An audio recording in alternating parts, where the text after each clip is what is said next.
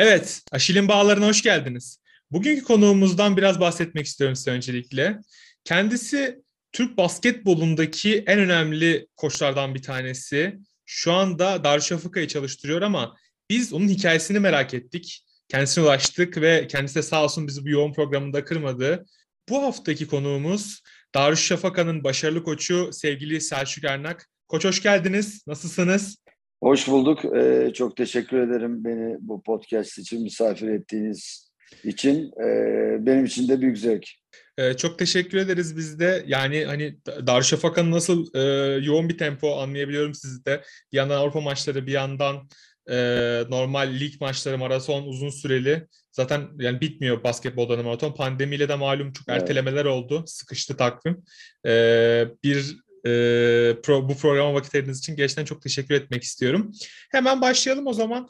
Ya e, öncelikle sizin kariyerinizin en başına bir gitmek istiyorum. Yani kariyerinizin en başında basketbolla nasıl tanıştınız? Özellikle ya, benim geçmişte yaptığım bölümlerden bir tanesinde ben Beyaz Gölge Aydan Siyavuş diye bir bölüm hazırlamıştım. Orada Beyaz Gölge dizisinin de çok büyük anlam ifade ettiğini biliyorum. Siz de kuşak olarak o döneme yakınsınız. Hani Beyaz Gölge sizin için ne ifade ediyor?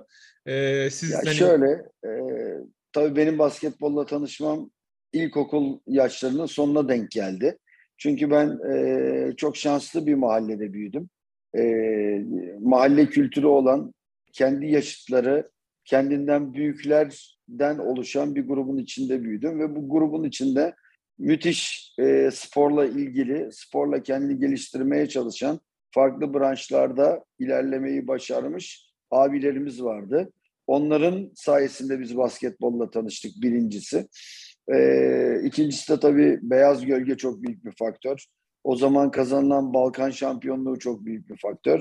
Biz aşağı yukarı benim yaşımda e, 50'li yaşlarda olanlar zannediyorum e, etkilenmedik derlerse biraz hafife almış olurlar. Hepimizi etkilemiş bir dizidir Beyaz Gölge. Siz Aydan Siyavuş'u da söylediğiniz Aydan abinin ben asistan koçluğunu yapma fırsatına eriştim e, Galatasaray'da.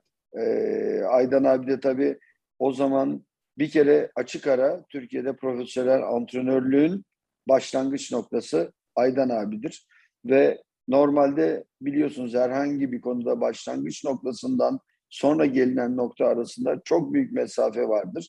Aydın abi, Aydan abi e, başladığı zaman antrenörlüğe e, kendi döneminin antrenörlerinden fersah fersah önde bir mentaliteyle e, başlangıç noktasını koymuştur ve mutlaka bugün bu işten ekmek parası kazanan bütün antrenörlerin bir teşekkür borcu olan bir büyüğümüzdür. E, Aydan Siyavuş gerçekten de müthiş bir antrenör. Ben kariyerini biraz bakma fırsatı buldum. Siz de Balkan Şampiyonası dediniz ama Balkan Şampiyonası'nı kazandıran koç da aynı zamanda Aydan Siyavuş. E, ben antrenman metotlarından da e, çok aslında evet. etkilenmiştim. Hani yeni antrenman metotları, yeni e, tarzda bazı çalışmalar getiren ilk e, koçumuz aynı zamanda. ilk Türk koçu. E, peki siz hani yani bu konuda antrenman metotlarına gelmişken e, siz kendinizi geliştirmek için tabii ki elbette çok çalışıyorsunuz. Bunlar çok klasik sorular ama çalışmak eski kuşak ve yeni kuşak arasında biraz fark ediyor gibi. Siz aslında biraz köprü gibisiniz. Hani hem işte Aydan Siyavuş'un asistan koçluğunu yaptınız. Şu anda 19-20 yaşındaki yeni kuşak sporculara eğitim veriyorsunuz. Ve sizin de hani agresif demeyeceğim heyecanlı bir yapınız olduğunu maçlardan da çok sıklıkla gözlemliyoruz ama bu temelde bütün herkesten duyduğum Doğru. şey şu. Ya çalışmıyorsunuz. Ya çalışmıyorsunuz ya gereken konsantrasyonu göstermiyorsunuz saha içinde ve koçlar da haliyle buna sinirlenebiliyor. Yani sizin bir maça veya bir antrenmana verdiğiniz önemle oyuncular aynı önemi vermeyebiliyorlar. Siz bu noktada yani özellikle yeni kuşaktan bahsetmek istiyorum. Onları motive etmek için ne gibi çalışmalar yapıyorsunuz? Hani pedagojik okumalar yapıyor musunuz? Neler yapıyorsunuz bu konuda? Tabii şöyle, e, benim antrenörlüğe başladığım zamandan bu döneme kadar birçok kuşak geçti. E, ilk antrenörlüğe başladığım zaman yani mesela Aydan abinin asistanıyken ben takımda benden 10 yaş büyük oyuncular vardı. E şimdi bambaşka bir hal aldı jenerasyon olarak aramızdaki fark. Ama şu çok önemli, e, gelen hiçbir jenerasyon bir öncekinin aynısı değil. Tabii çalışma ahlakı, çalışkanlık, kendine yatırım yapma temel olarak, mantık olarak bir değişiklik arz etmiyor. Ama bütün e, yeni gelen jenerasyonların buna ikna olmasıyla alakalı ya da onların doğru düğmelerini bulmakla alakalı bizim ve onların kendini geliştirmesi gerektiği bir gerçek. Yani şu anda 25 yaşına gelmiş bir oyuncuyu 35 yaşına gelmiş bir oyuncu gibi ikna etmedik biz. Aynı şekilde 17-18 yaşında bize yeni katılan bir oyuncuyu da 25 yaşına gelmiş bir oyuncu gibi ikna etmiyoruz. Çünkü hayata bakışları, günlük yaşam alışkanlıkları, aldıkları eğitimi nasıl kullandıkları, aldıkları eğitimin kalitesi ya da e, çocukluklarından beri evlerinde yüklendikleri sorumluluklar bunların hepsi onlar için farklı bir metot gerektiriyor.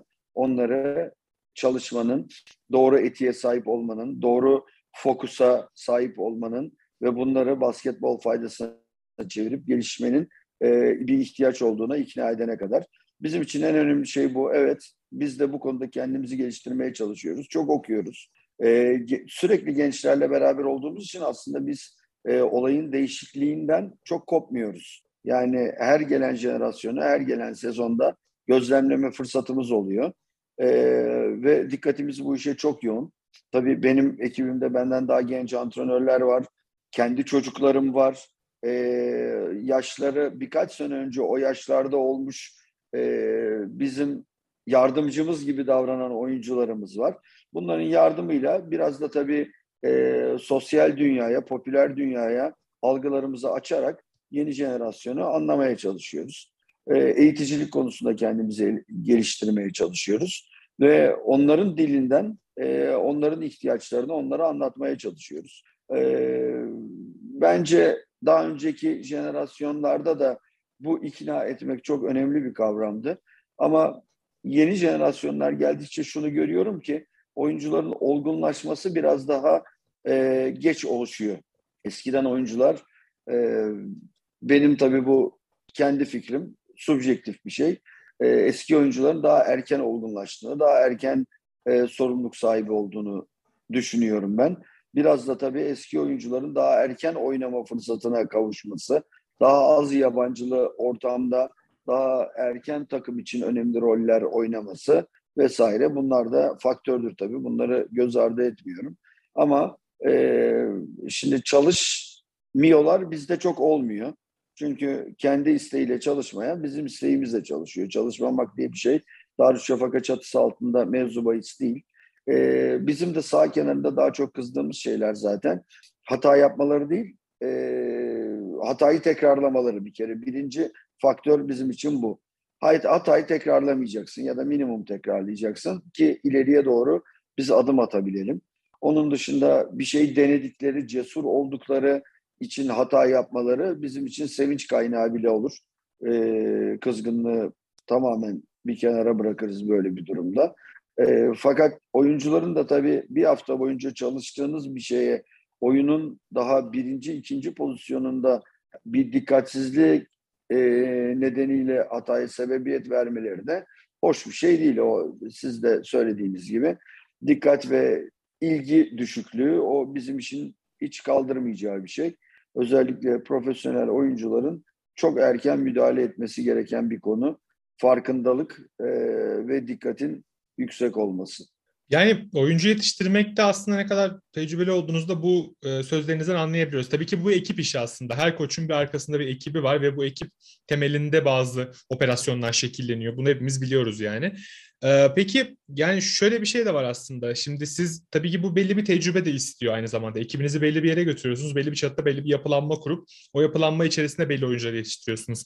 Ve bu yapılanmanın sağlamlığı da sizin e, oyuncu yetiştirmenizde belli bir rol oynuyor. Aslında en önemli rollerden bir tanesini de bu oluşturduğunuz. Şahsen ben düşünüyorum. Katılır mısınız bilmiyorum hocam ama. E, çok, şimdi Çok katılıyorum.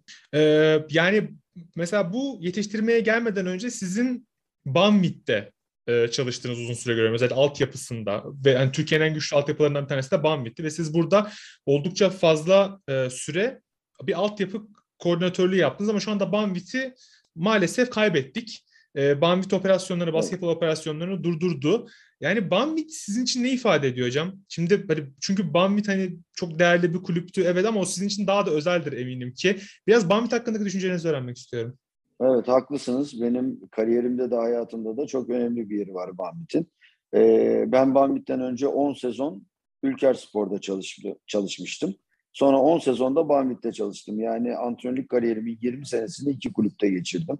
Çok fazla örneği olan bir şey değil ama benim çok zevkle yaptığım ve Darüşşafaka'da da gelmek istediğim nokta açıkçası bu. Dördüncü sezondayız. İnşallah beraber çok uzun sezonlarımız daha olur. E, Bambit tabii ben geldiğimde genç bir kulüptü ve e, küçük bir Anadolu kasabasının bir kulübüydü. E, tabii arkasındaki kendi sektöründe lider bir şirket, kulübü ve şirketi yöneten e, insanların vizyonerliği Bambit'i bir yerden aldı, bir yere getirdi. Ama burada en önemli faktör çok büyük bir e, sabır ve emek var bu işin içinde. Altyapı çünkü bugün düğmesine basıp da yarın e, sonuç alacağınız bir makine değil. Altyapı gerçekten e, bir tohumu ekeceğiniz, uzun seneler sulayacağınız, fideyi büyüteceğiniz, meyve almak için senelerce e, aynı emeği gocunmadan gösterebileceğiniz bir yer. Bambit'te de tam böyle oldu. Ben tabii e, kariyerimde birincilikte ilk head coachluk yaptığım kulüp de Bambit'tir. Ben 2006'da sevgili Mete Baboğlu'nun asistan koçu olarak Bambit'e katılmıştım. E, aynı sezon içinde e, Mete abi ayrılınca bana head coachluk pozisyonuna uygun gördüler. İlk üç sene e, A takımda çalıştım. Sonra bir süre altyapıda ve ikinci takımda çalıştım. Sonra tekrar A takımda çalıştım. Bizim o zaman e, koyduğumuz vizyon ve amaç şuydu. Bambit gün gel, bir gün geldiğinde sadece kendi yetiştirdiği oyuncular ve beş yabancıyı koyacak burada oynayacak. Ve benim e, A takımı çalıştırdığım son sene, e, Euro Cup yarı finali yaptığımızın ertesi sene yani, e, biz bunu gerçekleştirdik. Sadece Bambitli e, genç basketbolcular, içinde Tolga Geçim'in, Cem Ulusoy'un, Talat Altunbey, Erkan Yılmaz bunların 17, 18, 19 yaşındaki hallerinin bulunduğu e, bir Türk kadrosu hiç dışarıdan veteran oyuncu transfer etmeden aralarına yabancıları koyarak oynadığımız bir sezondu. Benim için büyük gururdur.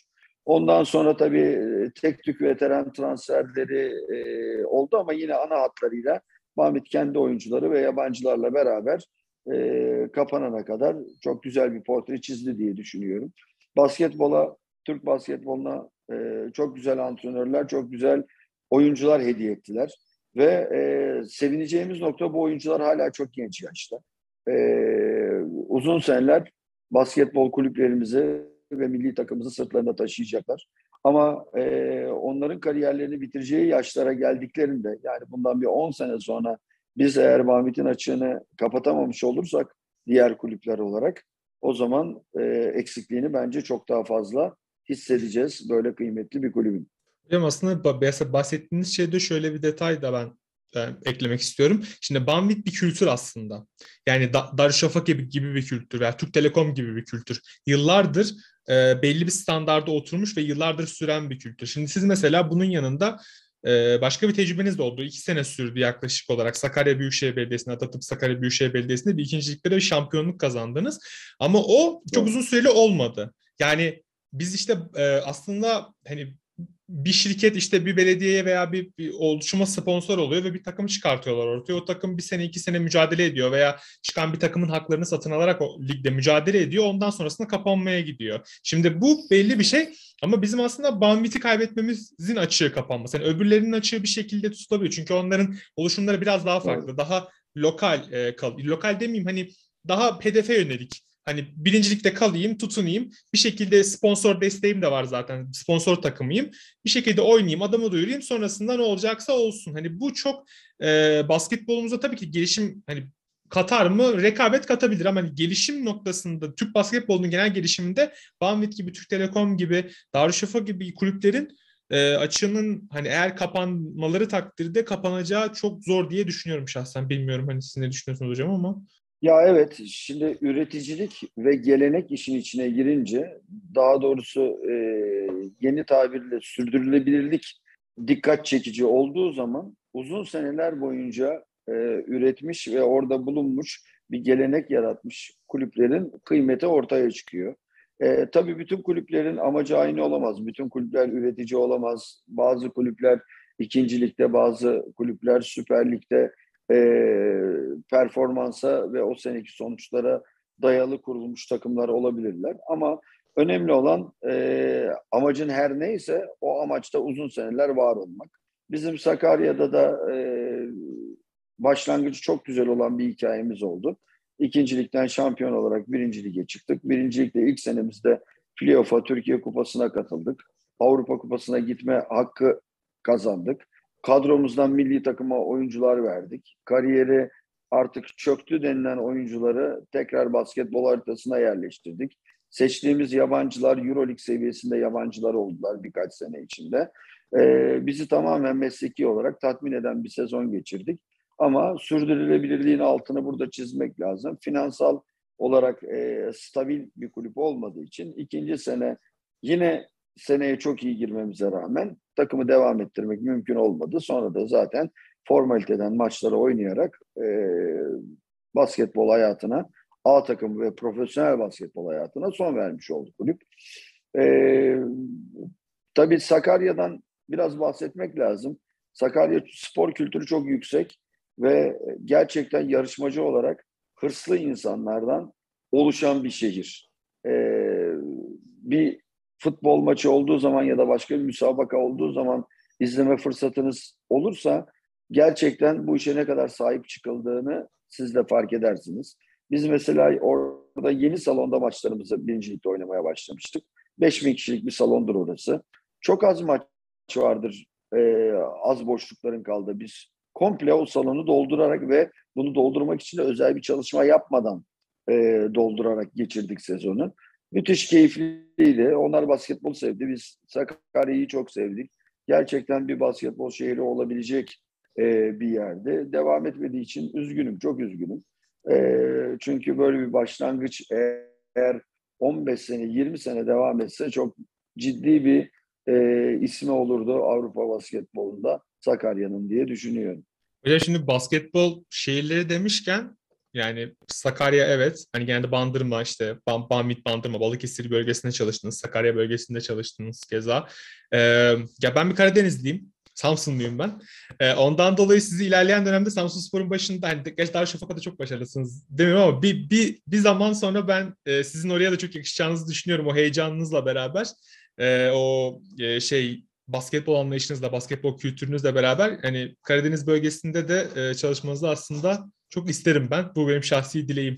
Valla inşallah bir daha önceden Karadeniz'deki lig takımlarından teklif almışlığım var fakat yolumuz kesişmedi. Sonra da o takımlar devam edemedi.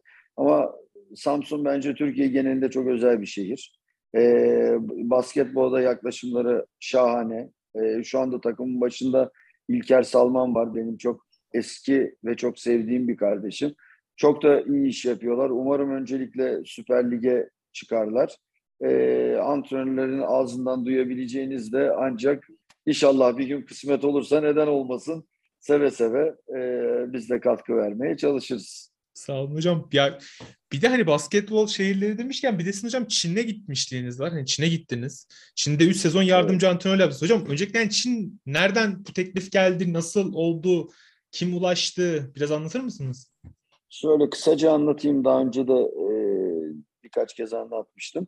E, NBA'in draft öncesi e, Treviso'da, İtalya'nın Treviso şehrinde düzenlediği bir kamp vardı. Önce Reebok'un organizasyon çatısı altında, daha sonra Adidas'ın.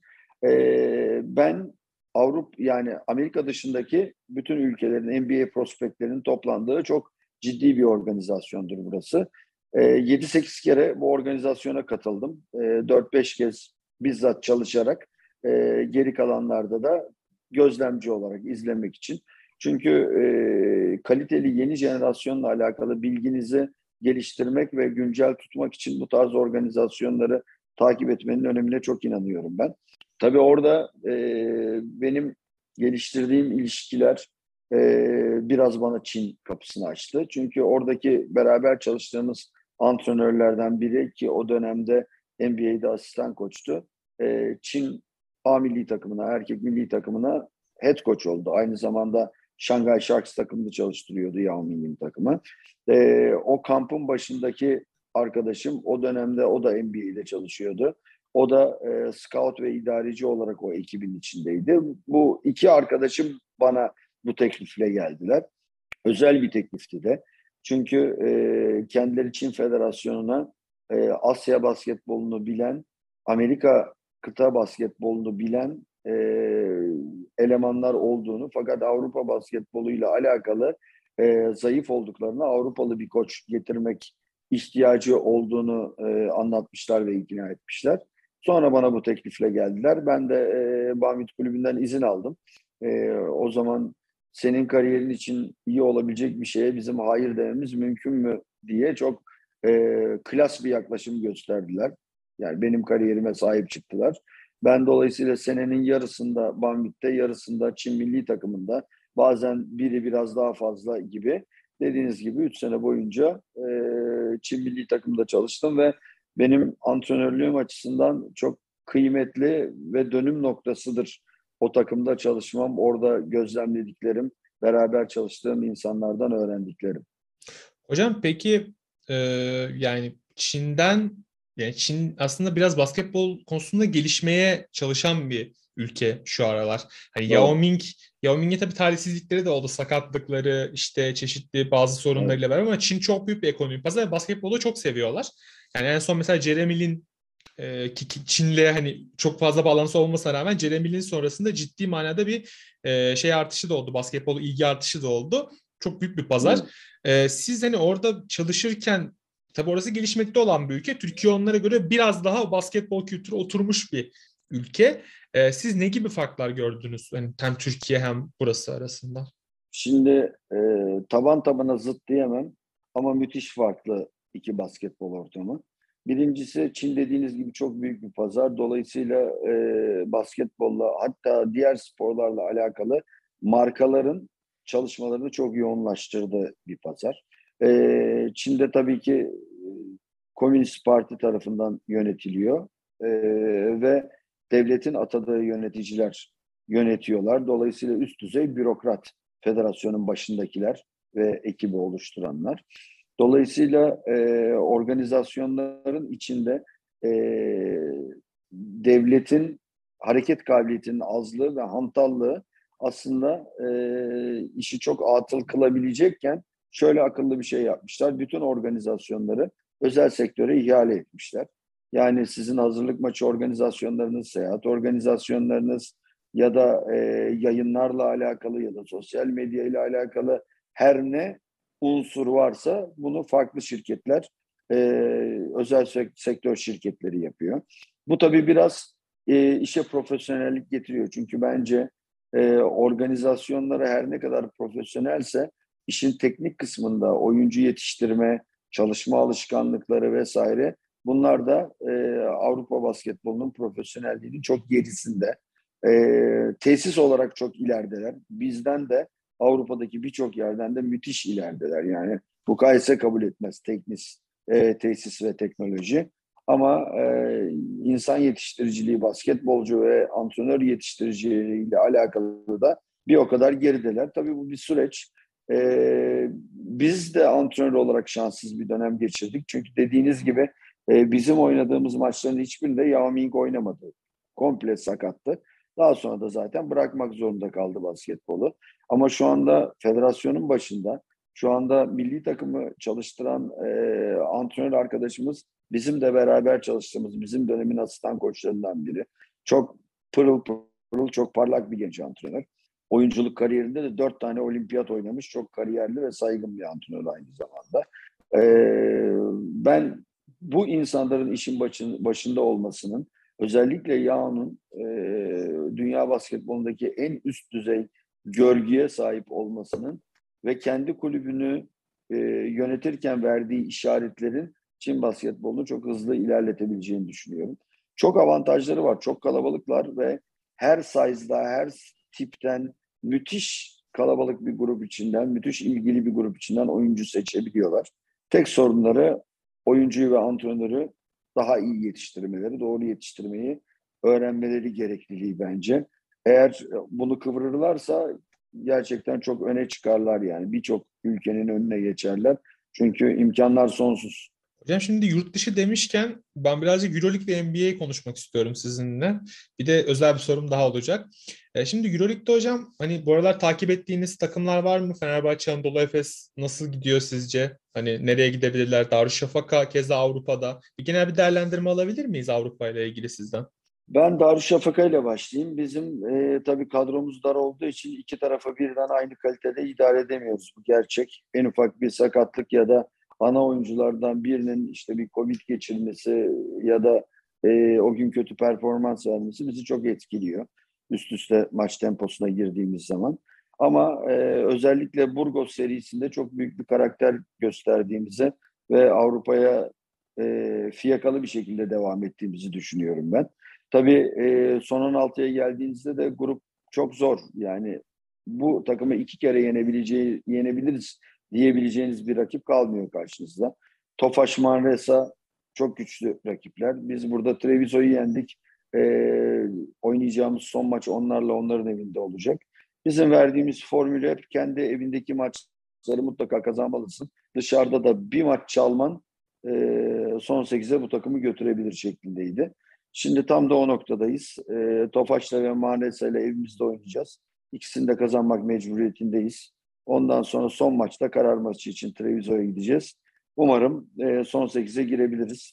Eğer devam edebilirsek bizim için çok çok e, güzel bir gelişme olur. Çünkü biz geçen seneden bu seneye bir e, takım inşa edemedik. Takımımız tamamen gitti. Yepyeni bir takım geldi. Umarım önümüzdeki seneye elimizdeki takımdan daha çok parça en azından iskeletini koruyabiliriz ki e, bu yaptığımızın üstüne bir şey inşa edebilelim. Her şeyi sıfırdan başlatmayalım. Hocam şey e, Anadolu Efes'e geçeceğim fakat ben bir de dikkatimi çeken bir şey var Darüşşafaka ile alakalı. Hem genç e, bir nüveniz var. Aynı zamanda bir Doğru. de e, genç, yabancı ve hani veteran basketbolcularla beraber güzel bir harman görüyorum ben orada. Yani evet. E, çeşit işte Sinan Güler olsun, işte Can Maxim Mutaf olsun, yabancı oyuncularınız keza Amerikalı oyuncularınız gerçekten çok başarılı gidiyorlar şu anda. Hani ama Darüşşafaka'nın basketbolunu ben izlediğim zaman orada ben bireysel pek bir şey görmüyorum hep bir takım görüyorum. Yani bir takım ruhu ve bir mücadele evet. anlayışı görüyorum. Bu bence sizin en büyük farkınızı yaratan e, unsurlardan en önemlisi gibi gözüme çarpıyor. Yani bu bunun fark edildiğine sevindim. Çok teşekkür ederim her şeyden önce. Ee, bu sadece benim ve ekibimin değil, e, Darüşşafaka'nın da uzun seneler e, bizim kulübümüzün, kurumumuzun karakteri e, diye be, benimsediği ve yansıtmak istediği e, bir durum. Yani biz e, genç oyuncu üreten, elindeki tecrübelilerin e, genç oyuncunun yetişmesinde katkı verdiği ve hep beraber mücadele etmekten asla vazgeçmeyen bir takım olmak istiyoruz ve bunu uzun seneler sürdürmek istiyoruz. Umarım daha sonra kuracağımız kadrolarda da aynı karakteri yaşatabiliriz. Yani aslında bu noktada tabii karakter dediniz. Karakter çok önemli. Oyuncuların karakteri çok önemli. Çalışmaya olan e, ısrarları, ihtiyaçları. Özellikle e, ya veteran basketbolcular tabii belli bir tecrübeye ulaştıkları için onların yönetimi biraz daha hani nispeten rahat oluyor. Size de yardımcı olduklarını da ben keza düşünüyorum takıma genel toplanması açısından ama işte e, o sahadaki disiplini ben aslında nasıl sağladığınızı çok merak ediyorum. Hani Amerikalı basketbolcular çünkü bazen kendilerini veremiyorlar, umursamıyorlar, kulüp kültürünü bilmiyorlar, Avrupa basketboluna yabancı oluyorlar. Hani onlara ne gibi şey yapıyorsunuz, motivasyon unsurları sağlıyorsunuz? Valla öncelikle biz bunu oyuncular buraya gelmeden yapmaya çalışıyoruz. Ee, ekip dersini iyi çalışıyor. Doğru karakterde ve bu kafa yapısında oyuncuları cımbızla çekip kalabalığın içinden çıkartıyoruz. Ve açıkçası daha e, oyuncuyla imzalamadan buradaki ortamı kafamızdakini çok net ve açık bir şekilde önlerine koyuyoruz. Çünkü olabilir yani bu tarz bir takımı, bu tarz bir ortamı tercih etmeyebilirler.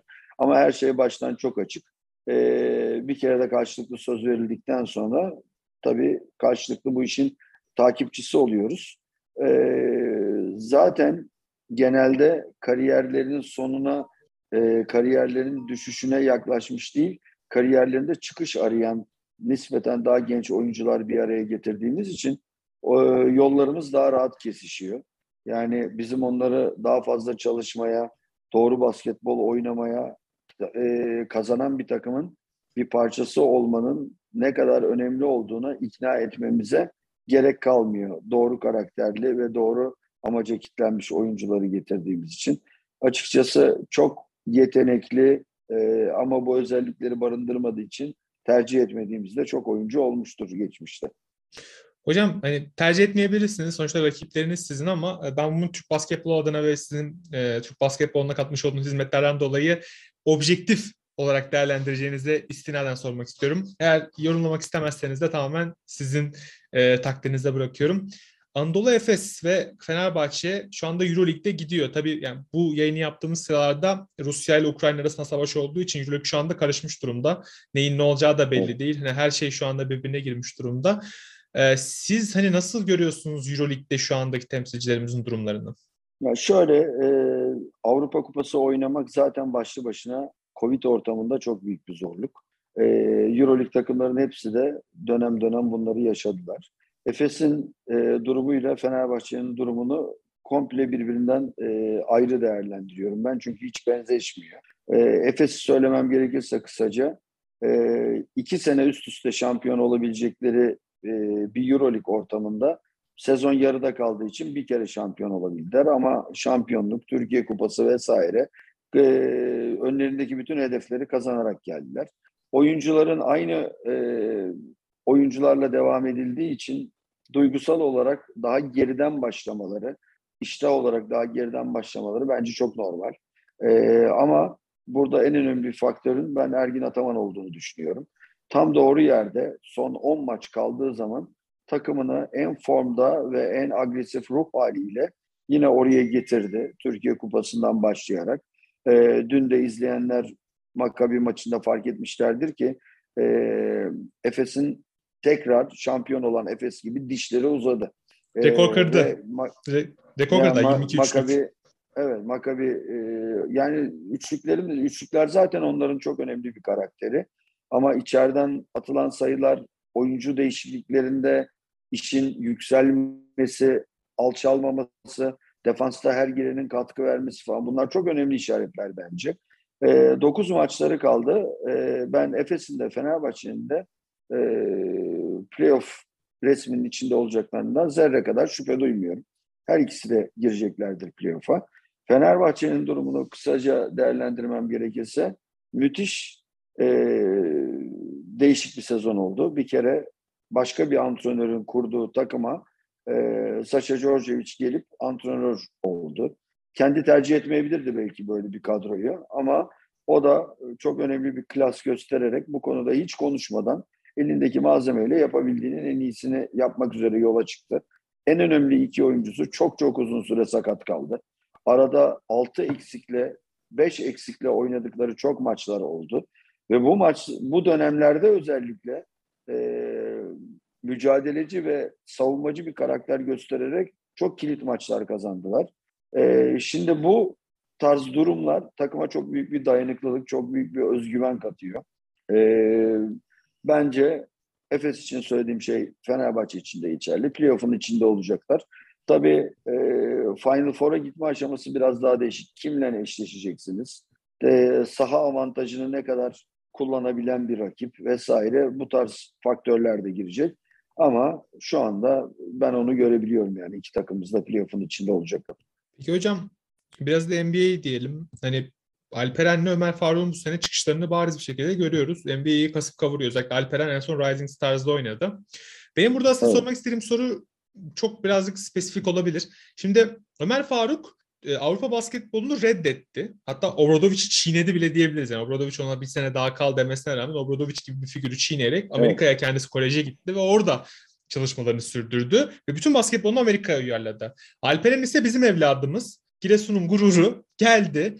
Önce Türkiye Ligi'nde MVP oldu ve kasıp kavurdu yani inanılmaz dominant bir MVP, MVP oldu. Ardından NBA'ye üst sıralardan draft edilerek seçildi ve şu an Houston'da o da inanılmaz bir sezon geçiriyor. Şimdi sizin bu kadar altyapı tecrübeniz var. Bu kadar hani altyapı konusunda duayen bir isimsiniz.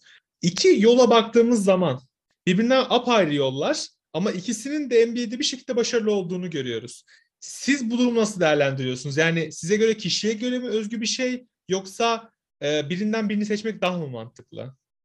Bence çok kişiye göre bir şey. E, çünkü bazı oyuncuların e, mesela Obradovic'in Ömer Faruk'a açtığı yolu kaç tane oyuncuya açabilirdiniz? Şu anda da ben eminim Fenerbahçe altyapısında da e, Efes e, Anadolu Efes altyapısında da Ömer Faruk gibi oyuncular vardır.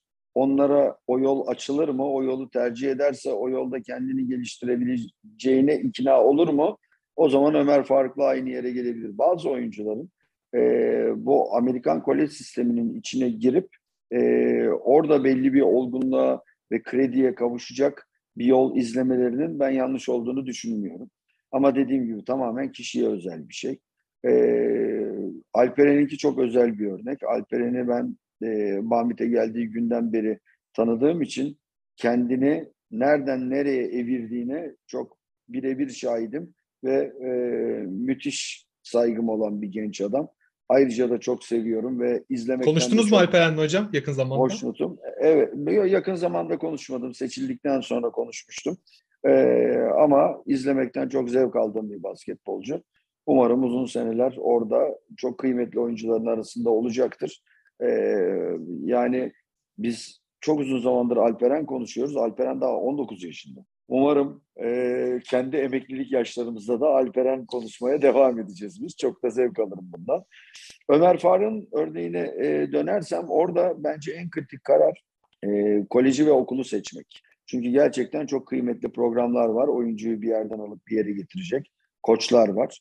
E, bir de basketbol oynayabileceğiniz ama e, çok fazla ilerleyemeyeceğiniz programlar var. Bu gerçek 342 tane First Division College var. Hepsinin aynı kalitede e, olmasını beklemiyoruz tabii.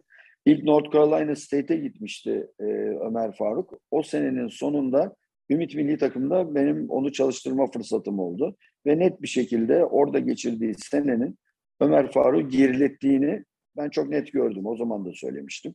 Yani o, olduğu basketbolcudan daha zayıf bir basketbolcu olarak geldi. Ama bu ne çalışma isteğini ne azmini ne koyduğu hedefleri etkilemedi. O da gel, gerçi e, benim için çok takdire şayan bir şey. Sonra bir sene kenarda oturmak pahasına Georgetown'a gitmesi ve Pat Ewing'le çalışma fırsatı bulması bence hayatının kararı o. Keşke en baştan oraya gitme fırsatı olsaymış. O zaman e, draft edilmesi, bambaşka takımlarda, bambaşka rollerde, bambaşka seviyelerde olması da mevzu bahis olurdu. Bence yeni jenerasyon için çok önemli bir örnek. Şimdi bir sürü kardeşimiz gitmek istiyor. Tabii guardların işi çok zor. Eğer hani milli takım seviyesi falan bir oyuncu değilseniz.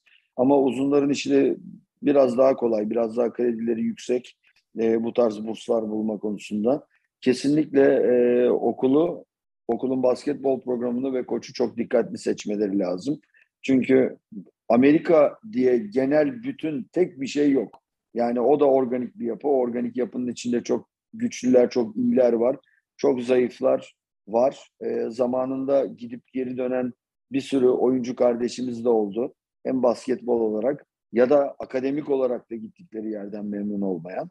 E, ben biraz fazla kolej basketboluyla ve NBA basketboluyla aşırı neşir olduğum için karşılaştırma yapma fırsatım çok oldu. Çok inceleyip sık dokumaları lazım bir burs buldukları zaman da üstüne atlamamaları lazım. Eğer gerçek profesyonel hedefleri varsa. Teşekkür ederiz hocam. Yani bilgi, verdiğiniz bilgiler bize çok kıymetli. Ee, yani özellikle kolej basketbolunu bu kadar derinden incelemiş olmanız çok e, önemli. Ben bu programın da özellikle bu kısmının e, şu anda yurt dışında basketbol bursu e, kovalayan diyeyim, basketbol burslarını araştıran ve onlara e, bakmak isteyen insanlar için çok değerli bilgiler olduğunu düşünüyorum. Ee, ben çok teşekkür ederim hocam bu kıymetli vaktinizi bize ayırdığınız için. Son sözlerinizi alarak programı kapatacağım hocam. Ben teşekkür ederim. Çok güzel bir podcast bu. Benim daha önceden de e, dinleme fırsatım oldu ve zevkle dinlediğim bir podcast. Beni misafir ettiğiniz için çok teşekkür ederim. Umarım e, dinleyenlere de keyif verebilecek bir sohbet yapabilmişizdir. Ee, biz de çok keyif aldık. Biz dinlediğiniz için ayrıca çok teşekkür ederiz. Yani gurur duyduk sizin bizi dinlemiş olmanızdan dolayı. Ee, bugün Selçuk Ernak konuğumuzdu. Kendisi kıymetli vaktinde Darüşşafaka'yı konuştuk onunla. İşte e, altyapı basketbolunu konuştuk ve bize çok değerli, çok kıymetli bilgiler sundu. Ee, kendisine çok teşekkür ediyoruz. Ee, Şirin Bağları'ndan bugünlük bu kadar efendim. Görüşmek üzere. Hepinize hoşçakalın. Kendinize iyi bakın diyorum.